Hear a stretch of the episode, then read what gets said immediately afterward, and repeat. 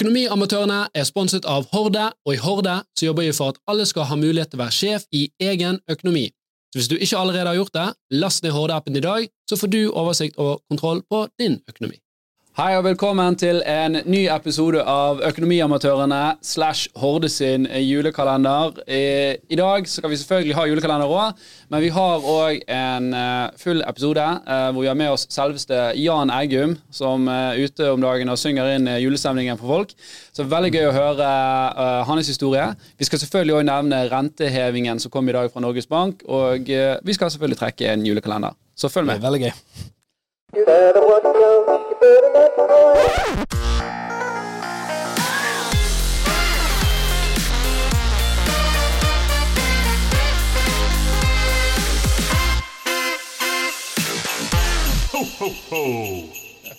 Velkommen tilbake.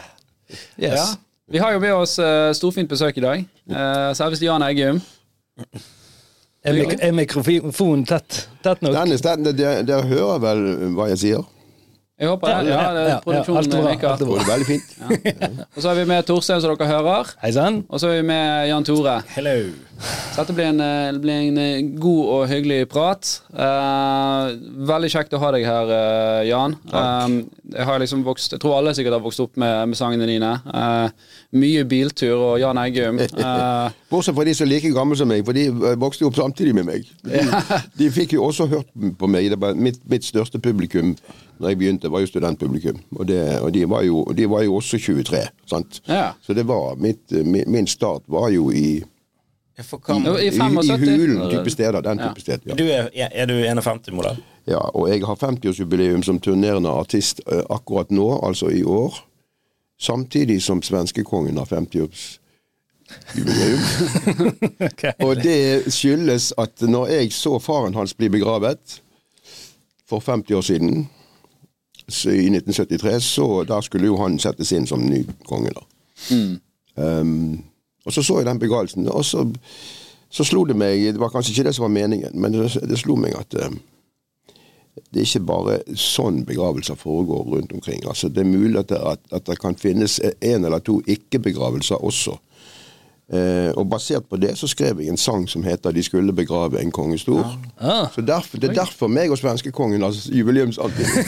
okay, jeg skjønner. Jeg skjønner. Sånn er mm. Men er det sånn at publikummet du har i dag, det er hovedsakelig jevnaldrende, eller har det på en måte gått i eh, nedover i alder? Ja, altså de er, de er, de er min, min, generasjon og, og, og ned til det man kan si litt under min generasjon altså i sånn seint 50-tallet og 60-åra og oppover der.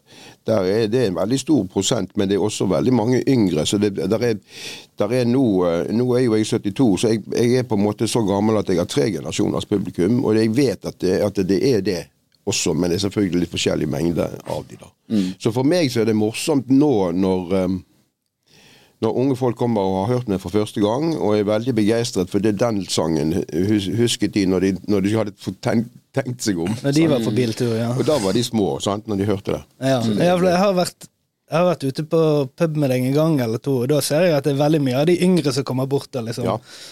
Og de hører på meg på selvfølgelig på en annen måte, og jeg skrev på en annen måte. Altså Den sangen som jeg nevnte, 'De skulle begrave en kongestor', den er en, det er en meget formell skrevet eh, bokmåls sang med veldig klassisk gitartype musikk til. Mm. Og det gjør jeg ikke nå. sant? Jeg gjør helt andre ting nå som, mye, som ligger mye nærmere viserock og, og, og visepop og sånn. Mm. Um, og det, det, forsøker jeg å vise også nå når jeg har mine konserter nede på Ole Bull, at, um, at det er gått en, en, stund fra 1973 til 2013. Jeg spiller, jeg spiller den jeg nevnte, pluss en som heter En annen, som jeg skrev i 2013. Og de 40 årene så er det Når du, når du trekker de så langt fra hverandre i, i et tidspunkt, så, så, hører du at det, det, det, er minst to måter å skrive på. Altså, jeg var, jeg var 21 år når jeg skrev den første. da. Du har, du har jo altså Utvikling er jo en del av det å være menneske. sant? Så ja. Hvor, hvor, mye føler du at det kommer liksom innifra at du utvikler det? Hvor mye føler du at det liksom det eksterne, at verden og det kanskje publikummet ditt du prøver å tilpasse det til? Hva, hva er motivasjonen din for den endringen?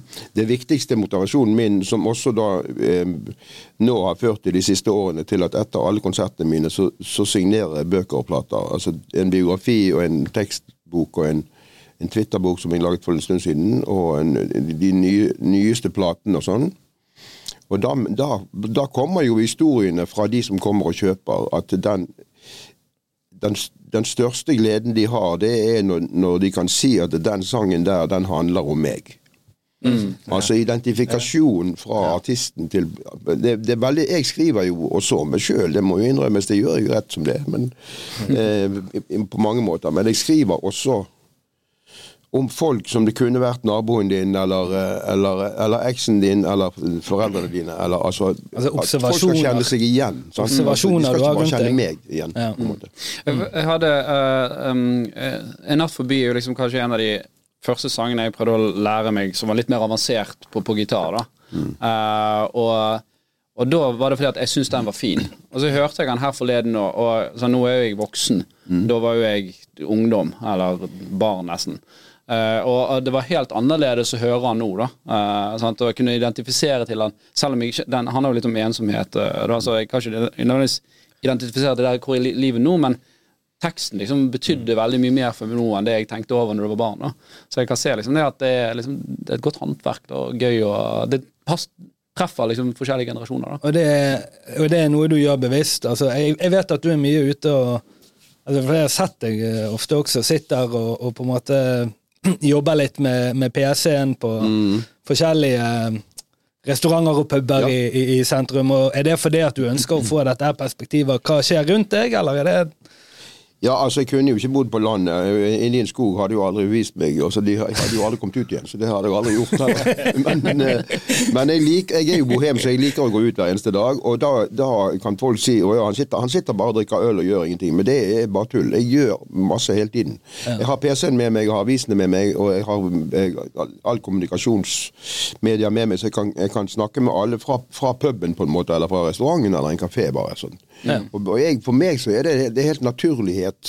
Um, og det er ikke noe jeg later som. Men jeg kunne selvfølgelig bare hatt PC-en med og latt den stå åpen så det så ut som jeg jobbet, men det er, ikke, det er mm. faktisk jobb. Så det, for meg så er det, det Og det har med uh, lyden og følelsen av det urbane, altså byen, da. Det er byen som er min. Altså, jeg, jeg, liker, eh, jeg liker ikke bråk. Jeg liker det der surret som ligger på midten, på en måte, som er på en måte eh, det, at, at, folk snakker sammen rolig og, og, og, og, kommuniserer med hverandre. Du kan høre en samtale fra det bordet og det bordet.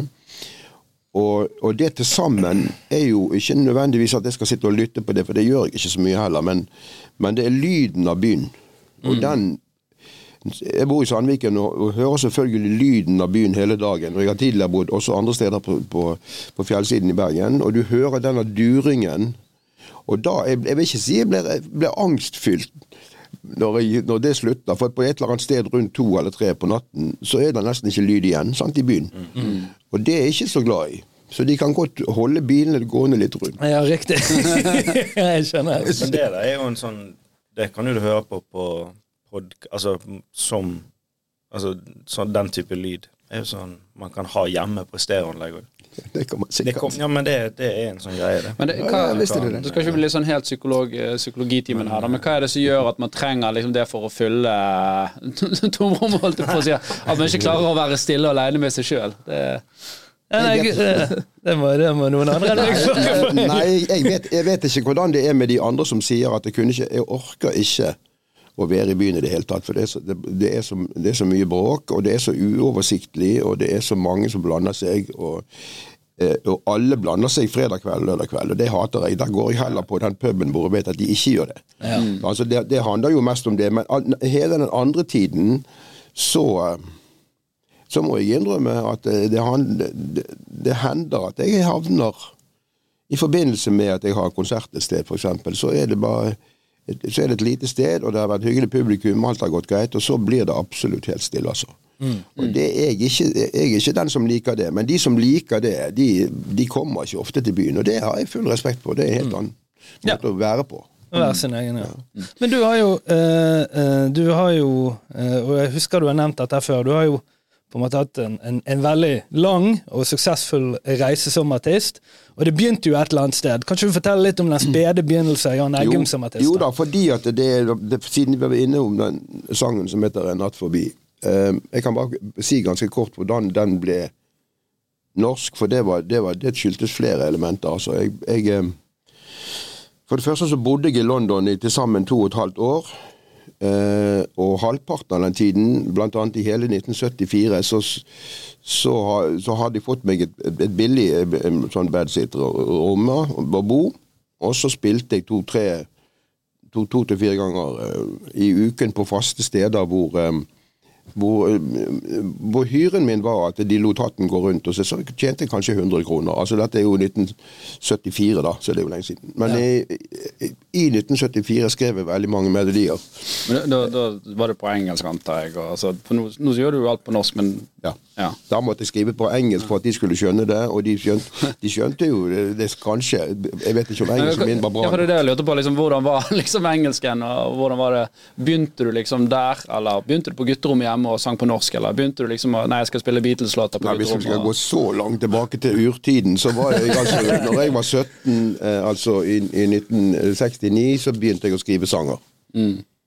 Eh, og og det kan jeg godt nevne nå når vi sitter her, siden Ole Paus nettopp var døde. Mm.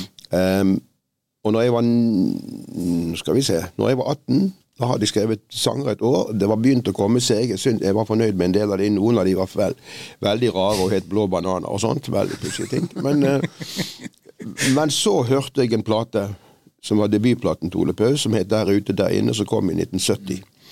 Og jeg var absolutt helt satt ut. Og det, det, dette sa jeg til media når, når, når, vi kommenterte at når Ole var borte nå, da, at han At den platen Det var rett og slett bare debutplaten. Det kom helt bardus på meg. Jeg visste ikke noe om han i det hele tatt. Um, den var så bra, og de sangene var så bra, og hans uttrykk var så bra, og tekst og musikk. Så jeg må innrømme at jeg tenkte seriøst. Skal jeg skal jeg, jeg kommer aldri til å bli så bra. Skal jeg fortsette med dette her, skal jeg bare kaste gitaren. Det var, sånn. ja, riktig, det var helt sånn. Og det, det var helt alvorlig. Altså, en, en ung 18-åring som tenkte dette det kommer jeg aldri til å bli så bra som det der. Mm. Og så begynte jeg å høre på Ole, og så ble vi kjent etter hvert, og sånn. Og så, og så, så, så jobbet jo vi parallelt og gi plater og, og sånn. Men uh, men for meg så har Ole Paus alltid vært Norges beste låtskriver. Så jeg, for meg, eh, og for veldig mange som jeg kjenner, både, både av, eh, av, artister og ikke-artister, så det er, det er, et stort tap, altså. Mm. Kjempestort. Ja. Men i 1974, for nå skal jeg holde tråden I 1974 så, så bodde jeg i London og skrev masse melodier og hørte masse bra artister. Hørte Carrie King og Joni Mitchell og The Band og, og Chicago. Mange, masse av de store favorittene. Måtte, måtte spare litt i hop for å få en billett. da. Ja. Men i hvert fall, så jeg spilte jo litt sjøl, så jeg kunne jo leve av det så vidt det var. Men, ja, du kunne, Det gikk rundt? det gikk akkurat rundt, så vidt. Men, okay. men uh, i 74 så skrev jeg en låt som het Alone Awake. Uh, og som var, som var en natt forbi-melodien, og så en engelsk tekst som het Alone Awake, som handler om akkurat det samme som En natt forbi handler om. Så var jeg hjemme i Norge, så hadde jeg fått kjæreste i 1976, og vi var på besøk hos Wenche Myhre, for hun hadde bestilt sanger som jeg skulle skrive til henne, med, med, med, flere andre som skulle skrive, men jeg skrev veldig mye. Det var hennes på en måte å komme tilbake-plate i Norge, for hun hadde vært i Tyskland og tjent masse penger og var svær i Tyskland. Så skulle hun lage en norsk plate, og så kom jeg med noen sanger, og så sier kjæresten min den gang ja, men du har jo en så fin melodi som heter Alone Awake. Eh, kanskje du skulle gjøre en norsk versjon, da, så kunne Wenche få prøve den. Og så sa Wenche hun fikk høre den på engelsk og likte veldig godt melodien. da. Så dro jeg hjem, og, og, og gjorde, jeg jobba best under press. Så fikk hun den teksten dagen etter. En natt forbi. Og så Den elsket hun, og ville selvfølgelig ha det med. Så Benke Myhre i 1976 så fikk hun Spellemann. Jeg var nominert til Spellemann for min andre plate, som er Trubadur, og fikk ikke Spellemann. Det var Ole Paus, helt fortjent, som fikk Spellemann. og så var det Wenche Myhre, som fikk beste popplate. Spellemannpris. Ja, og der var det flere av mine sanger, men blant annet da En natt forbi. Og da begynte folk å lytte på den. Ja. Mm. i, altså i ny form, den norske. Så Og så begynte jeg å spille han, og så spilte jeg han inn i 79. Så, så den har hatt en mangslungen tilblivelse, den, akkurat den sangen. da, Men er, det som gjør at den er viktig for meg, det er det at selvfølgelig er veldig mange som, som liker den. da, Av mitt publikum vil gjerne ha det. Jeg har den alltid med. Men det, det er jo det at, eh, at når, du har, når du har jobbet såpass frem og tilbake og litt sånn kronglete med han, og så, så begynte jeg å spille han live. Og så fantes den på, på min plate på Wenche sin og på flere andre steder som han spilte den inn. da. Så Det er den som har brakt inn, siden vi snakker litt økonomi innimellom her, så det er den som har brakt inn mest inntekt til meg i, i 40 år, altså. Og det er det som også var på en måte gjennomslagslåten, da, eller? Er det definert? Det er jeg litt usikker på, fordi at eh, det, var flere andre som aspirerte til det, blant annet 'Mo jeg vil tilbake'. Og den melodien så skrev jeg også i, i London eh, med en forferdelig dårlig engelsk så den har vi bare glemt. Ja, du- Fins den noe sted? Den opptrer? Den fins på, på en, en hemmelig demo. Ja. En, en, eh, det ligger ikke noe bootleg ute? Ja, det snakker vi veldig spennende bootleg. Nei, men, nei, men den er, den, det, det, var, det var melodien jeg, jeg likte å ta vare på. Og, så, og det gjaldt flere andre sanger som, som jeg gjorde norske eh, tekster på. Så det var viktig for meg musikalsk å være i London i 74, altså. Det var det. Og så kom jo første platen 75, så det var jo like etter. Men hva- hvordan er det nå, da? Altså, disse låtene er da over 40 år gamle, Ja. og så skal du spille dem liksom i, i, i kveld. Altså, klarer du å ha samme følelse med dem, eller er det mer sånn du er mer en artist og en showman, eller går du liksom inn i deg sjøl og Jo, men jeg, jo, altså jeg, nå har jeg jo selvfølgelig den bevisstheten om at det er en fem-seks sanger som, er så, som, er, som står så kraftig i folks i publikums bevissthet. Og det gjelder de som ikke hører på meg fast også, men de, de sangene vet de om. Og derfor så munner eh, en, en, sånne små sekvenser, som du kan kalle det, på en konsert som dette, som jeg gjør nå, alltid ut i at du kommer frem til den er natt forbi, eller Må jeg vil tilbake, eller Alarmen går, eller Hvor alle helter hen, som er sånne sanger som alle vet De om. venter Publikum Ja, venter på det. Ja, det ja, de og da skal de få lov til å vente. De kan ikke bare sitte der og sitte der og så tro at de kan få bare kjente låter etter hverandre. For det, sånn gjør vi ikke. Nei. Nei, nei. Det sånn, jeg, jeg eh, I tidlig karriere så gjorde musikk, jeg òg. ikke på i nærheten av nivået, så, selvfølgelig, men altså helt sånn på hobbybasis. da Og, og til og med vi var jo sånn der, Nei, denne sangen er jo fire år gammel nå, sant. Men det var den, liksom, de tolv personene som kom, da, de ville høre den. Men da skulle de lides igjennom liksom, først disse fem nye låtene vi har laget, og så skal de få den. Helt riktig. For det er sånn at de som du nettopp har laget, det er de som også er gøyest å spille? Eller? Ja da, alltid. Og da, det, da går det helt frem til min, min siste plate, som spiller, som nå, den siste som er kommet. da. Så jeg spiller to sanger fra den. Og da, da, da illustrerer jeg det ved å, ved å fortelle eh, at dette, dette er mine to favoritter på min egen nyeste plate. Og dere blir nødt til å tåle den, for jeg har noe som heter belønningsprinsippet. Det betyr at du får en veldig kjent sang etterpå. Men da må du høre veldig godt etter på denne nye, ellers så kommer det en ny til. Men du, du er jo litt vitt, du er ganske vittig. Ja, det er Imellom. ikke- ikke alle som vet. Hæ? Du Det det. Du, mange, som det jeg hørte i intervjuet med Halvdan, at han mente at du var den. Du er den vittige, og han er den alvorlige. Eller? Ja, det var jo veldig pent sagt. Han er sinnssykt vittig, altså. Nei, men, han, men han viser ikke det. Atlan Sivertsen er en mann som sier Og så kan du ha samme kjæresten. År etter år etter år, og så uten at kona vet om det. Ah, det er gøy. Han er, han er helt fantastisk på one-liners. Mens jeg tar meg tid, så da kan han sette seg ned og hvile mens jeg forteller. Det går bra. Du sa at uh, Ole var den uh, beste låtskriveren ja, i. Norge. Jeg syns det. Vil du si at uh, Øystein Sunde er den beste gitaristen? Ja, Det er et spørsmål hva man, hva man tenker på. Han, som, som, i, I den sjangeren som du kan kalle Chet Atkins, det kan du ikke, men han har jo truffet de store eh, gitarpikkene, da. Og han er god på det. Han er sannsynligvis den beste på det. Det var altså så vittig. Nå, nå, nå snakker jeg litt i villelse, og jeg snakker rent, ja. Eh, når jeg spilte inn en sang som het Rør meg eh, det, Nå begynner det å bli en del år siden, og da jobbet vi mye med gitarkameratene. og jeg jeg og Øystein kommuniserte veldig bra musikalsk da. Og så sa jeg at um, Thomas Dybdahl har nå produsert denne sangen for meg, eh, sammen med meg i Stavanger, og nå er vi ferdig med teipen, men vi skal ha en sånne med gitarfills, da. Så vi tenkte å spørre deg om det. Ja, sa han. Ja, er du sikker på det? Ja, det var jeg helt sikker på. Så kom han i studio, da, var, da var, gjorde vi det ferdig i Oslo. Og så satt han der, og så spilte han inn sånne fills, da. Eh, på tre takes. Altså tre opptak. Og så sa han ja, eh, skal vi ta opp Nei, vi har tatt opp alt, men eh, jeg, tror vi har det, sa jeg. Og det var, der var han veldig usikker. Og vi hadde det. Han er veldig selvkritisk, og det skal man jo være, da. Men i hvert fall så Nei, vi er fornøyd. Og så begynte vi å klippe og lime, da. Vi tok bitte små biter av det Øystein Sunde spilte. Eh, Der hvor, det, hvor, hvor han skulle spille, og hvor det, det, det låt absolutt best. På det, det, det, den takten og den takten. Dette var, dette var nitidig å jobbe i arbeid. Så, så, var, så ble vi ferdig, og så sendte jeg den, det ferdige produktet til, til Øystein Sunde. Og da sier Øystein 'Har jeg spilt det?' Fordi at han, eh, han tenkte ikke på det at vi hadde klippet det. Nei, riktig. Men det var jo helt superbra, da. Ja, Fordi at han er jo dødsbra. Sant? Det er jo ikke tvil. Så svaret er at nei, han er dødsbra, ja. Han er- Men hvem som er best i ditt Men- og datt, det er ikke Så er sånn, Hvem er best i friidrett? Ja. Men det gikk en sånn der Jeg vet ikke om det var bare en, eh, en myte, eller om det var bare en sånn eh, Hva skal man si eh, Altså, det gikk gjeter om at Mark Knofler hadde sagt at Øystein Sunde var At det var en som var bedre gitarist enn han, så hadde nevnt Øystein Sunde. Ja, det kan Jeg vet ikke om det stemmer.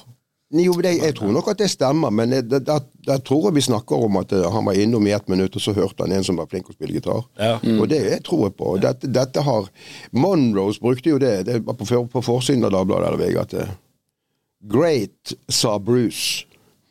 Og det var fordi Bruce Springsteen var i studio ved siden da når Monroe spilte inn noe i, i, USA, og så hadde han vært innom, da. og når han sier 'great', så er det sikkert great, altså. det er jo klart. Så de kan bruke Ja, det du finner. Altså. Jeg, jeg vet ikke mer enn det. Du nevnte ja. Jeg kom til tenke, Det var bare én ting siden det er økonomi på dette. her. Du, nevnte at eh, denne her Natt forbi eh, hadde spilt inn eh, mest. Har du en grov idé om hvor, hvor vi er? Hvor vi er i, i, i sum? Ja? Nei, jeg ingen Nei, ok. Nei, hvis vi, hvis vi nå skal inn på, det, på meg og økonomi, så, så blir det så så dvaske svar. altså, jeg vet ingenting. Jeg kan ingenting og bruker opp alle pengene mine med en gang. Jeg jeg hadde vært en perfekt for Luksusfellen. Dette sa regnskapsbyrået mitt. At han han der, det, han, han hadde vært et funn for Luksusfellen. Du vet det, de kontakter deg nå? Nei, men det er greit, det, men, men, sånn men, jeg, sa, men jeg, var villig, jeg var villig til å innrømme det, at det kan jeg godt. Og så sa jeg det til kjæresten, sa han kan du være så snill og ikke være med på det. ja, ja. Men hva er det du, du, du, du sauser det rundt på, da? Altså, hva er det det går til? det diamantmedlem i SAS, husker jeg. Nei, jo, men jeg, altså, jeg, jeg har en, en, en, en, dame som jobber for meg som er veldig, veldig flink. Og hun, hun vet eh, hvor skoene trykker og, og sånn. um, og riktignok så tjener jeg eh, eh, en, et par millioner, vil jeg da si. Jeg har gjort det i mange år. Um, uh, og nå la hun frem en bitte liten Det er pinlig, vet du. Hun la frem en en liten melding fra Øvelse Regnskap at en, i, i, for, for to måneder siden, var vel det, så hadde jeg brukt 19 000 kroner den ene måneden på kafé og restaurant. Ja. ja. Det er jo, det er jo godt gjort. Du skal, da skal du være mye ute, men jeg er jo det. Ja, ja, Men og det, det skriver Og det er dyrt, da. Men er det et enkeltpersonforetak du har, eller er det, det Ja, det har jeg nå. Jeg hadde også et firma i mange år, men vi, vi, vi skiftet, så det gjorde vi for ett år siden. Ja. Ja, For det, det der er jo liksom det er økonomiske vurderinger som jeg ikke har anelse om hva som har Men det er jo noe med å få en fysisk avis. Sant? Det er, Fysisk avis er, det er veldig viktig. viktig. Ja. Får du Ja, eh, får- tatt det inn over deg. Ja, jeg har nå en bag med meg hit, og så skal jeg videre til neste kafé. Dette er jo en koselig kafé, nesten. Altså. Jeg skal videre til neste kafé, og der skal jeg lese 20 Bergenstidene som har blitt liggende siden de, de forrige turneene. Så jeg, jeg må jo få lest de. Hvilke, del, hvilke del er det du fokuserer på? Nei, da, nei jeg, jeg, jeg, blar jo først i kultursidene, og så går, går jeg litt tilbake for å se om det er noe noe, annet, noe, noe, noe ordentlig viktig som har skjedd, som politikerne ville sagt. Da, sant? Hvem som blir kulturminister, kan vi bare grue oss til til enhver tid. det, det Det er er, ikke, det er ikke det de helst vil. Nei. Du, du har jo uh, hatt en sånn suksess at du, du liksom Du kan velge å ha det liksom bohemlivet, da, og, og, da. og, og, og gjøre det. Men la oss si at det ikke hadde hatt den suksessen, ville du fortsatt uh, liksom vært musiker, tror du? Eller tror du du hadde skiftet? Det var nok et, nei, men det var nok et punkt på 80-tallet. Hadde du reist Altså, rundt på Madam Felle nå liksom, og spilt for, eh, for døren? Ja, jo jo, men jeg gjør, jeg, jeg gjør til og med det av og til jeg, i, i løpet av et år. Men, men jeg, jeg må jo innrømme at på, til tider, og det, nå er det heldigvis så for- forferdelig lenge siden, men det var en periode da det, det kom Altså det, ikke, det var ikke covid eller noen ting, men det kom bare 30 likevel da, på alle konsertene over hele landet. Og jeg spilte mye fordi jeg hadde bare meg og gitaren og en koffert. Og det er den enkleste produksjonen man kan gjøre, og du har en lokal lydmann som forhåpentligvis er god. Og så eh, satser du på det, og så kan du leve av det. det er altså du, med 30-40 mennesker med så og så mange billetter og sånn, så går det an. Du- Eh, og bo billig og sånn. Så jeg gjorde det, men da begynte jeg å få litt angst. Så da Dette er vel rundt 86-87. Da da begynte jeg å vurdere skal jeg gjøre noe annet. Dette er jo ganske smalhans, som min mor ville sagt. Det er ganske sånn eh, Hva var det? Hadde du en idé om hva altså, Vurderte du noe annet, eller vurderte du bare å gå bort fra musikk? Nei, jeg søkte til, til steder som kunne, som kunne hyre meg inn, og som, som hadde veldig faste og gode tariffer, men da måtte du komme inn og spille tre Tre ganger på en ungdomsskole eh, før klokken tre, 15. Og det det er klart at det, mange gjør det det. Skolespilling. Det er, det, og i hvert fall på den tiden når Rikskonsertene var veldig aktive, så var det sånne ting man kunne gjøre. Da kunne man plutselig tjene bra penger. Og jeg husker på et tidspunkt, det må ha vært 80-tallet, apropos økonomisk eh, uorden Um, Jeg var altså så eh, Jeg husker ikke hvor blakk, men blakk. Tilnærmet blakk. Helt. Og eh, det gikk jo eh, det, det ruslet jo for så vidt fra dag til dag. Så tenkte jeg hva skal jeg gjøre nå? Og så plutselig så kom det en sjekk fra Rikskonsertene på 60 000 kroner. Og dette er jo da i 86 eller sånn. De hadde jeg glemt, da. Okay. Så du må ikke snakke økonomi med meg. Det ble bare morsomt. Det. Men det der høres ut det kunne, du, Hvis du bytter ut den gitaren bare med en mikrofon, så høres det ut som veldig mange komikere. Som har, som, Jeg tror du kan bytte ut med Casa, du kan bytte Ja, ut med ja. fotball òg. Fotballspillere òg, tjener mye penger. Også. Ja. Men de har, jo, de har jo ikke nødvendigvis Det er kanskje enda tøffere der, fordi når du passerer 35 som fotballspiller, så er det, det Da er det tøft, da. Men da har du tjent en milliard dollar, så. Ja, hvis du har vært i utlandet. Ikke sikkert hvis du har vært i, i Eliteserien. I Norge. jeg, jeg, jeg har jo ikke peiling på Brann heller, så jeg driter meg ut når jeg snak- snakker om fotball. og sånt. Mens kjæresten min, som er, som er fotballinteressert og som har spilt fotball sjøl, eh, eh, nå bruker jeg hun som eksempel igjen, for det er veldig vittig. For jeg har sittet og sett fotball på, på TV med henne da, og jeg har egentlig sagt at vi skal dra et sted og se en ordentlig sånn svær kamp. Sted. Men jeg kaller jo første og andre akt det, hun, har- slutt med det, sier. Det heter omgang. Og det var det det het, ja. Det For hun er interessert i det. ja da, hun har spilt fotball da hun var liten, eller noe. Ja. Men, men har du, har du, er det liksom en pensjonsplan for Jan Eggum? Altså, hva skjer hvis uh, fingrene knekker og stemmen ryker Nei, i det- morgen, og så Nei, ha, har du ordnet deg? Nei, men, nei da, det har jeg ikke. Men jeg, og jeg har jo pensjon for lenge siden. Jeg er jo 72 år, så jeg har jo hatt pensjon i mange mange år. Men jeg, Men du har jo et høyt forbruk nå. Det kan Eh, vel de, de, de med- forsvinner vel eh, sannsynligvis i et eller annet sluk, sånn sett. da, Men så jeg har jo to søte og flinke barn i Oslo, og så får de jo penger. De de er 14 og 18, så nå, nå begynner de å nærme seg voksen. I hvert fall han, da. Og de har jo overtatt eh, etter meg. Hennika, som er 14 år, vant Melodi Grand Prix Junior da hun var 11. Ja. Og eh, hun er altså superflink og, og har ikke tenkt å gjøre noe annet enn å synge. Så det er det hun skal, og hun synger veldig bra. Har vært med i, i, eh, i, i Stjerner i sikte, flere av disse svære programmene, og får veldig flott renommé og blir hyret inn til, til steder selv om hun bare er 14. Så hun har eh, da, heldigvis en veldig fornuftig mor som passer på henne og, og, og, setter grensene for mye hun kan gjøre og sånn. Men hun har tenkt å gå i pappa sitt fotspor, og det syns jeg er veldig hyggelig, det, altså. Det er, absolutt. det er store sko å fylle. Ja, det, det vil jeg tro at man kjenner på, ja. Ja, Men, nei, eh, men det, hun skal, hun, det ligner ikke heller. Det, det er et helt annet sted, men det er musikalitet på høyt nivå. da, Det er det virkelig. Men sånn så, eh, Kjenn, Nå bor du oppe i Sandviken, sa du. Altså, du har ett hus der. Har du flere hus? Har du investert noe? Har du kjøpt fond? Har du, altså, Nei, jeg har, jeg har hus sammen med kjæresten i, i Telemark, og det er, jo, det er jo ikke alle som vil leve sammen. Vi har levd sammen i åtte år på den måten at vi bor i hvert vårt fylke. Det er, det er mange som ikke velger den. Sånn at det, men er jo, vi er jo sammen hver uke, to eller tre dager hver eneste uke. Og, og enten kommer hun hit, som hun skal nå i helgen, som jeg er veldig glad for. at Jeg, jeg, vil ha hun litt mer hit, for det blir til at jeg er mye i, i Skien. Men hun har jo en, en, en såkalt såkalt streit jobb, altså. Hun er psykiater sykepleier. Det er ikke så veldig streit, egentlig. Nei, da er det litt Da er du, da har du, da er du bundet til en turnus, da. Ja. Ah, du er det. Så dette, det må vi, det, sånn må vi ha det. Men, vi, men vi, vi valgte det i 2016, at vi med en gang så sa vi vi skal ikke bo sammen hele tiden. Jeg har ikke vært gift, hun har vært gift, og det skal aldri mer skje. Nei. Nei Sånn var det.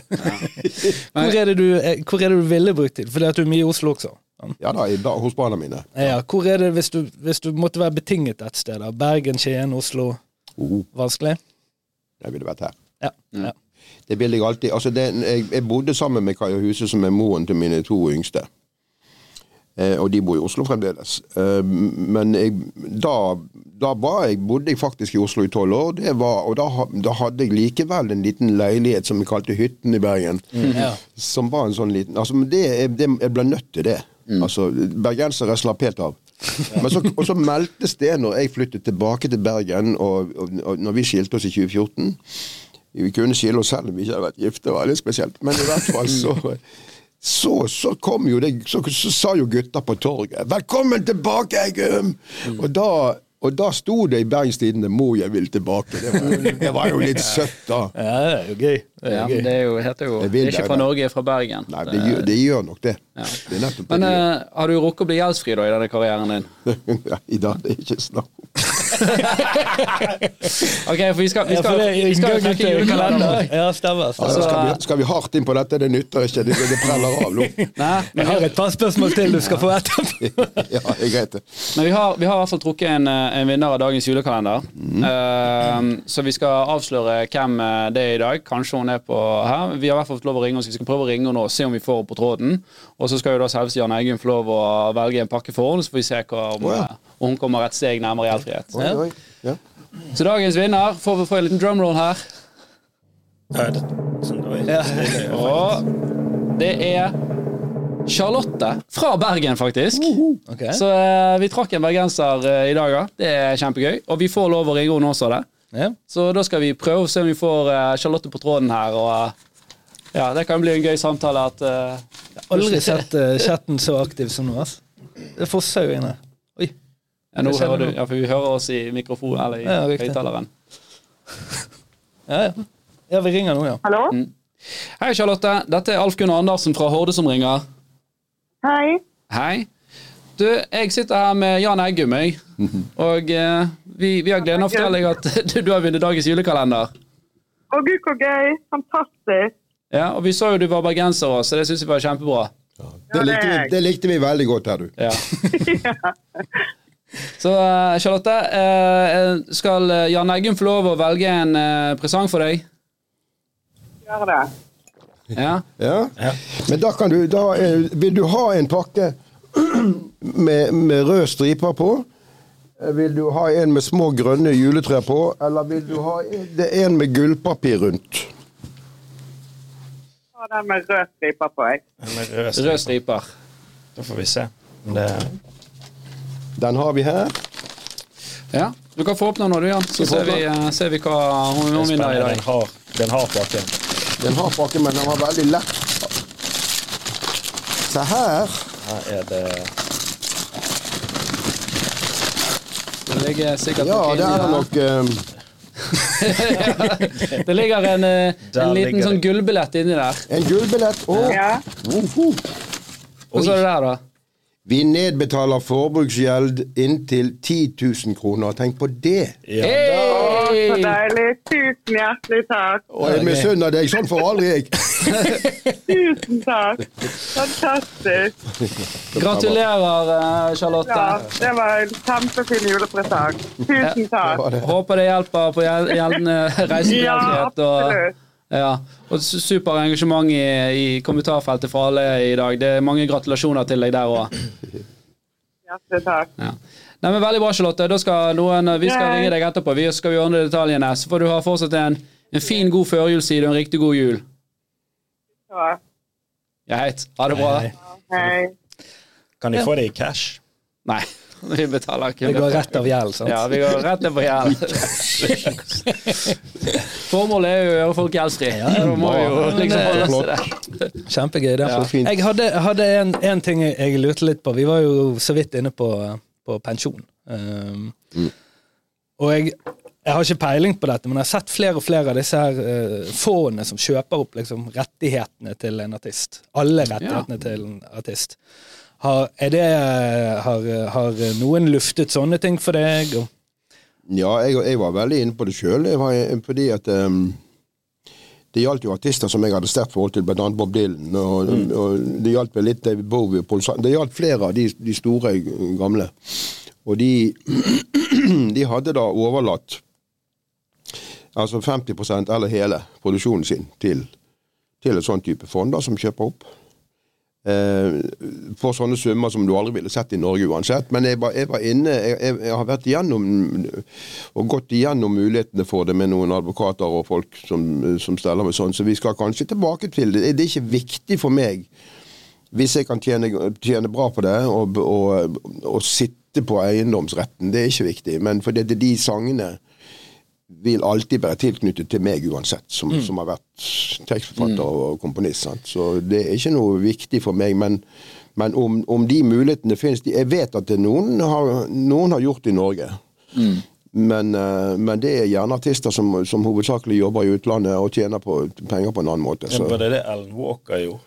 Men Jeg vet ikke om han har gjort det, men jeg vet at det er noen. da. Men ok, for det der er klart at de som kjøper det, ser jo på det som en investering. Ok, Hvor mye tror vi Jan Eggum-låter blir spilt? Er det TV-serie og hei, hva kan vi gå i? Samplet i fremtiden og sånt. Ja, sant? Og, og så regner jo de en ROI på dette her, og så finner de en pris. sant? Uh, så det, men det er jo noe med, med åndsverkloven og på, på musikk eh, Hva er det, 80 år eller noe sånt, så der, og så er det fritt bruk for alle? Det er en sånn grense. Ja, Du spør vanskelig igjen, du, når det gjelder Jeg vet ikke helt. Hvem er det som eide Michael Jackson? Nei, det er jo mange rett. Jo, ikke han, Var ikke han det- som Beatles? eller Ja, og det var ikke noe han uenigheter med, med han her eh, Paul McCartney. Eh, De, for de var litt sånn chommier, og så gikk Michael Jackson og kjøpte han overbød han på rettighetene til Ja, Beatles. det var litt Det, var litt, det ville jeg følt litt surt. McCartney var min store helt da jeg var ung. Og det, var, det, det virket litt pussig. Det ville jeg også ha tenkt. Så hvis uh, Øystein Sunde her kommer og rapper uh, låtene dine rett foran deg, så ja. Sondre Lerche kommer inn fra siden. Sondre skal få lov å, å, å henvende seg, men jeg vet ikke hva jeg sier. da. Fordi at, sånn som sånn som det er i dag, altså da har jo du en potensiell eh, kjempepensjon da, i den uh, muligheten. Ja. Men sånn som det er i dag, ville det vært en, det er en liksom grei årslønn om det bare hadde gått og tikket på, altså på avspillingen av de sangene du har. Nei, Det er vanskelig å si, for jeg har tjent veldig bra eh, eh, de siste ti årene på Tono, inntekten min fra, fra sangene mine. Og det er fordi at jeg har, jeg har over 350 sanger som er registrert, og halvparten av de har jo blitt spilt i en viss grad, og en, en tiendedel av de blir spilt veldig mye. Det betyr at det vil du se igjen på hvert års opp, opp, oppgjør. Og det er jo det et eventuelt fond eller hvem som måtte henvende seg, må, må jo se på det. Er dette, er dette potensialet, og kan vi gjøre det større? Og, og jeg jobber ikke for å gjøre det større, men jeg bruker jo sangene mine hele tiden. Ja. og det er jo stort sett meg som synger de, sant? Ja. Ja, For det er jo en ting Sorry at jeg ser Neida. du har noe, men jeg bare hadde en som var um, For jeg vet jo at det er veldig mange som på en måte tar andre sine sanger, synger andre sine sanger. Er dette noe man må ha en avtale med artisten om, eller kan man bare ta andres verk og spille det av og tjene penger på det, eller må man gi noen prosenter, eller hvordan fungerer det? greiene? Nei, de, de, de reglene som gjelder prosenter og sånt, er jo, er jo, er jo avgjort via Tono, så det vet jo de fleste artister eller sangere hva, hva det gjelder. Men, men når det gjelder å, å fortsette å, å synge sangene mine, altså at andre artister gjør det, det har jeg jo nå merket at veldig mange av de litt nyere, altså type Gabrielle, Myra og, eh, og, og andre, og Sondre er jo ikke så ung, men han har også gjort det. Altså det, det de gjør, og det presten, og de har gjort, de har gjort versjoner av låtene mine som er veldig bra.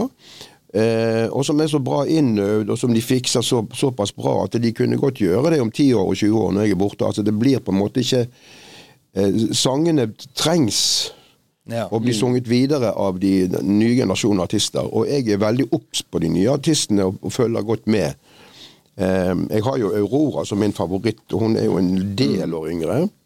Jeg har tenkt å overbevise henne om at, at hun må synge på norsk. Det tror ikke jeg kommer til å klare, siden hun jobber mye i Sør-Amerika og Japan. Det er kanskje ikke der det det er potensialet, men de er jo flinke, masse av disse her. Men så da vil du på en måte si at ja, ta den sangen og hold på en måte sangen aktuell gjennom deg, da, istedenfor at man har noen sånne avtale om Ja, altså Avtale om å synge sangene behøver man ikke hvis man synger en sang som allerede er gitt ut og spilt inn og blir, blir brukt. Altså Da er det Ja. etablert en sang. Okay. Og da er det, da er det Tono som må sørge for at av enten arrangør eller artist eh, betaler den tariffen, og det er jo basert på faste avtaler. Sant? Men Tono er vel kun, det er vel kun radio, sant? Sånn, eller Tono gjelder alle avspillinger av sangene dine. Ja, tekst og okay. musikk. Ja. For det, Men sånn som nå med Spotify og den type Ja, ting. der, der skal det jo også gjelde med de avtalene som de gjør. Det, det, blir jo aldri noe, bortsett fra Kygo får jo litt. Ja, jo da, men Spotify har fått veldig mye tyn, fordi at de gir veldig lite Ja, de til eh, artister. Det er snakk om 0,06 øre veldig per avspilling. Det kommer vel an på hvor mye Ja. streams man har, men der er det jo uh, Ja, Det skal veldig mye stream, streaming til. For at det genererer For at det skal nok, bli noen penger nesten i det hele tatt. Men Ja. hvordan tenker du på det? For det er klart at Før så kunne jo eh, liksom en popartist tjene seg rik på at uh, de, de solgte bra uh, album, og så fløy de rundt i privatfly. og liksom Du har disse bildene av Bon Jovi og disse på 80- og 90-tallet sant, som fløy rundt med egne fly. Uh, nå er jo de Nå er de mer sånn avhengig av en artist å gå ut og faktisk tjene pengene. Altså holde konserter, da. Så syns du det liksom Altså det har vært noe positivt i dette her, da? Man Det, det syns jeg er rett. Og det er, jeg mener at det, og det, Jeg kan ikke tvinge noen, noen av mitt publikum til det, men, men hør, hør meg heller live først. Altså, for dette, Det kan godt hende at de har hørt og syns det er greit nok. Eller de har hørt meg med gitarkameratene som de likte, og, og så videre. Så, så er det kjempefint for, for meg. men men det gjelder, når jeg også vil vite hvor god en artist er, så går jeg og hører konserten hans. altså. Og det er det man eh, Jeg mener det er det man skal gjøre. At du kan eh, Det er lenge siden, det er mange mange år siden du kunne fake hva som helst i studio, og du kunne få en plate til låter. Så kom, så kom det stakkars bandet som har blitt bare, bare var blitt konstruert opp på scenen og dreit seg totalt ut. Og for det, at det er ikke noe gøy, det. Der har du en sånn uh, Nei, vi har ikke noen verste, uh, konsert, uh, verste konsertopplevelse. Nei, jeg har ikke noe har eksempler. ikke- Beste konsertopplevelse, det har du vel kanskje? Hva er den? Den beste Min konsertopplevelsen beste du har, eh, konsertopplevelse den ligger, den ligger i fortiden. For, for meg så var det så sterkt når jeg, en var, jeg var 27 og, og spilte på Kalvøyafestivalen for 11 000 mennesker. Ehm, og det var for så vidt Van Morrison som trakk folkene, da, men det var mange andre artister også. Og blant annet bandet til Anne Grete Preus som het Veslefrik, som var veldig bra band. Så vi spilte der. Og jeg åpnet festivalen eh, midt på, på, på dagen klokken 13, tenker jeg det var. Og så at 11 000 mennesker eh, på, Du kunne se at det var jo midt på dagen og lyst og sommer og sånn. Og det var stort. Og det er fremdeles ingenting som kan matche det, men det, det går jo på at jeg var vant til å spille klubber på, for 150 mennesker sant? før det. Så for meg som eh, Og da hadde jeg akkurat gitt ut den platen som het eh, Heksedans, så det var, for meg var det veldig svært å få den opplevelsen. Så det er eh, Men fremdeles nå, nå skal ikke jeg virke, virke for romantisk, da, men jeg men nå når jeg går, når jeg går i kveld og, og plugger inn og spiller fra klokken ni for 200 mennesker som sitter som tente lys, som de, de, de nærmeste er bare to meter fra meg. sant? Det er det beste. Og det er det beste hver gang. Ellers hadde ikke jeg drevet med dette her. Altså, Folk hadde ikke orket. At jeg har energi til å drive med det, er veldig hyggelig at jeg fremdeles har, men, men det er jeg, Det kan ikke sies nok. det er altså Den direkte kontakten sal og scene, det er det, det som er bra. Syns det. Du sa noe som var litt uh, spennende. Du sa liksom hvis man skal finne ut om en artist er bra eller ei, så gå på konserten. Men for min del, jeg vil tro for mange andres en del, men jeg er veldig uh, ubelest i, i musikkens verden, da, men jeg vil, jeg vil jo høre en sang, så hører jeg en artist som jeg begynner å utvikle positive assosiasjoner til, og så går jeg på et uh, konsert til den artisten. Og det vil jo jeg tro de aller fleste gjør. Ja. Ja. Men du kan også bli overrasket den motsatte vei. Altså, Ja, du du kan, du kan komme, det kan være en dark horse som viser seg å være veldig Så du, ikke, du må i hvert fall ikke møte ved det, det er noe som heter aldri møte ikke Heltene dine. Aldri møte heltene dine. Ja, det kan være. Men eh, greit, du, du har jo òg skrevet noen litt sånn, jeg håper å si, litt sånn morsomme sanger òg, eh, iblant. Eh, du har vel en som heter, hvis ikke husker feil, eh, Null respekt for penger. Eh, Ja, kan ikke du fortelle litt om den, da? Den, har, den, den er jo den, det, det, den sier jo enkelt og greit. Nå husker jeg ikke hele sangen, jeg har ikke sunget den på lenge, men den, er- handler om akkurat det. At det er eh, hvis, hvis alt skal måles i eh, Og det, jeg, jeg tjener jo bra, men hvis alt skal måles i hva, hvor mye tjente du i, i år eller i fjor, eller, hva- eller hva, hva fikk du for det, og sånn, så syns jeg det er helt unødvendig å snakke om. Det, det, det fins fremdeles, slik som jeg var, i, i den situasjonen har jeg vært sjøl, så jeg vet jo det. Det fins, fantastiske musikere. Der I Norge har den største prosenten gode musikere i hele verden. Altså Det er utrolig hvor mange som er flinke.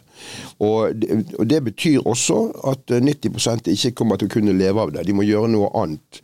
Det som det foraktelig kalles for streitjobb, det er for så vidt det at de gjør noe annet, og så blir de eventuelt musikklærer, og så kan de spille av og til med et band eh, en gang i måneden et sted, eller sånn, og så kan de få tilfredsstilt den live-tingen der.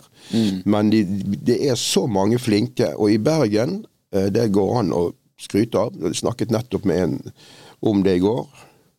I Bergen så har alle disse bergensbølgene fra 60-tallet og utover så har folk vært villige til å stille på hverandres eh, eh, jobber og med hverandres band. Jeg kan, jeg kan steppe inn på gitar der, jeg kan spille bass på den, jeg kan, jeg kan godt kore deg på den. Det gjør de ikke over hele Norge, men i Bergen gjør de det. De, Det er sånn de kollektivt stiller. Dette, apparat, dette, dette liksom. vet folk i Bergen. At, at, eh, at det er bare å spørre. Så det er, ikke, det, er, det er ikke regnet som konkurranse som det kunne vært et annet sted. Men i Bergen er det bare ja, selvfølgelig.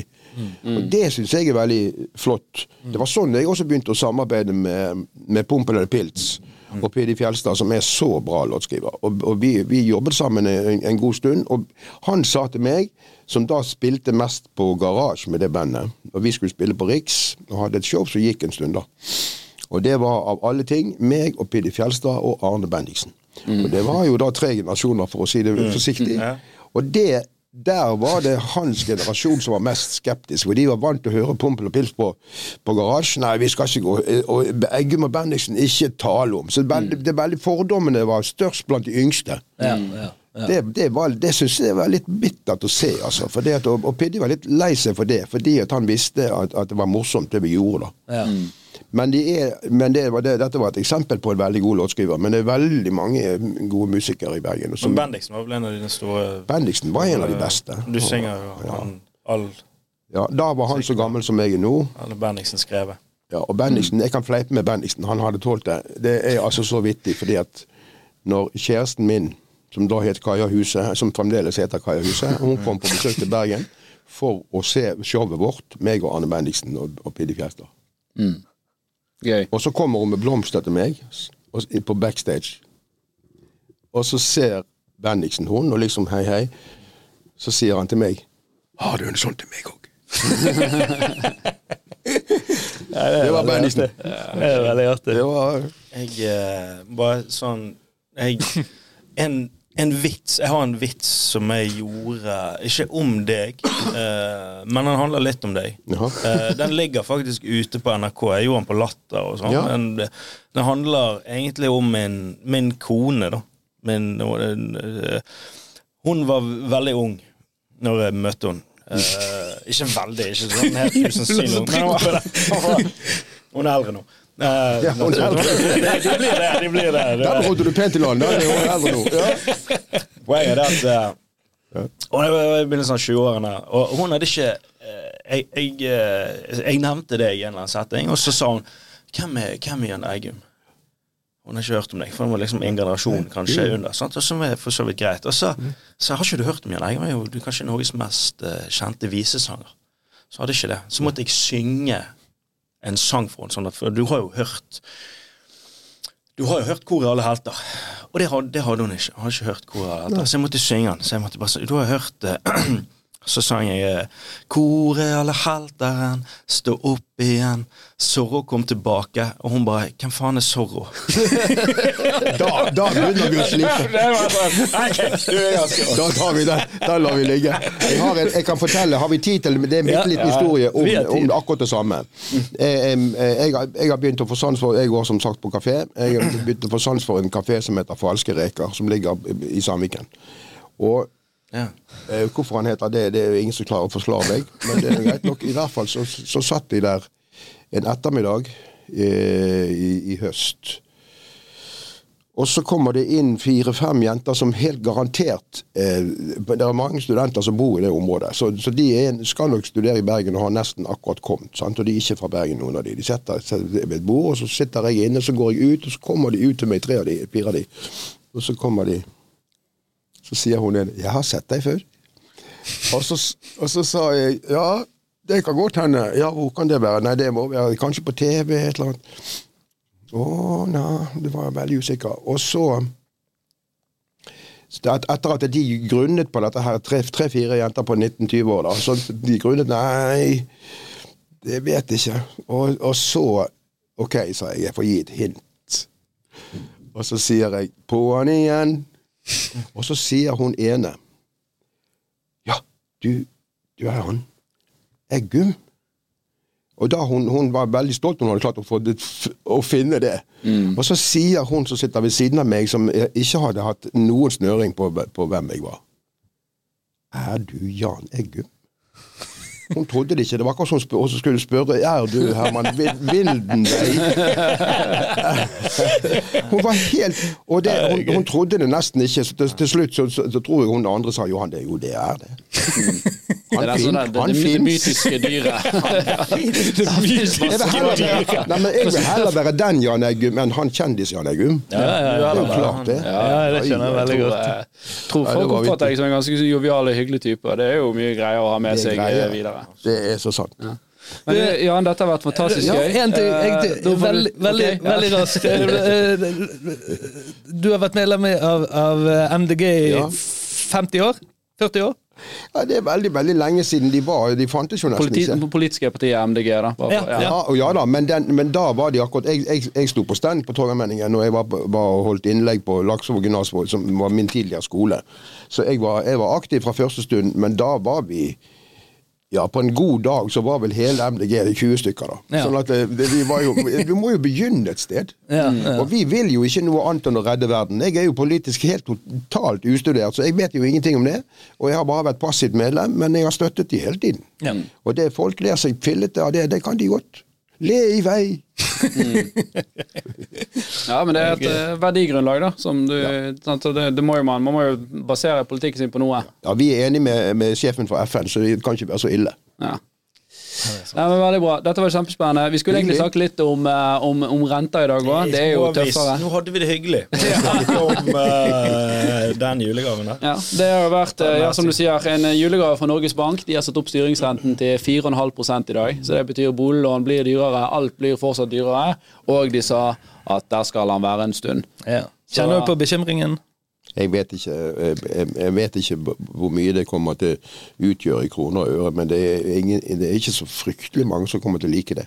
Så Nei. jeg liker det ikke så godt. Men hører du, når du sitter på disse kafeene i dag, hører du folk snakke mer om økonomi, og altså, gir det deg noe inspirasjon? For det, det er jo veldig mange som sliter i dag, og mange familier som Ja, det kan du høre. altså Selv om jeg ikke jeg, jeg, Nå må ikke folk tro at jeg sitter mm, Hva snakker de om? Nei, men det, men det, men det snakker hører jo det. folk også, Jeg hører jo det òg. Ja, de snakker, jo, men de, hvis de blir opphisset og litt sint og sånn, så kan det være at eh, at uh, Det kan være at de også har tatt en gin tonic, men på den annen side så er det det at de de, de, vet, og de kan si hva vet du hva det betyr for meg i, i, i kroner og øre. Det vil de jo selvfølgelig si. Mm. Så det er jo veldig viktig. Ja. Ja. Nei, men veldig bra. Jeg uh, syns dette var Vi skal ha respekt for tiden din og Jan. Du har en kafé å komme deg til. Uh, Nei, det var kjempespennende. jeg syns det var gøy. Uh, Jeg skal lese 20 aviser, så det, ting, ting tar tid. Ja, det, men uh, takk for at du delte både eh, altså, eh, kunnskap og livserfaringer og Hyggelig. eh, perspektiver. Det syns vi er veldig kjekt å høre. Eh, Charlotte tror jeg eh, ble veldig glad. Hun ble 10 000 kroner mindre i gjeld, så det, det hjelper på. Supert. Og eh, ja, vi snakkes jo i morgen for ny trekning klokken tolv her i Horde sitt julesolo. Så ja. God Tusen takk for at du kom. God jul til alle. God jul, ja. God jul, go.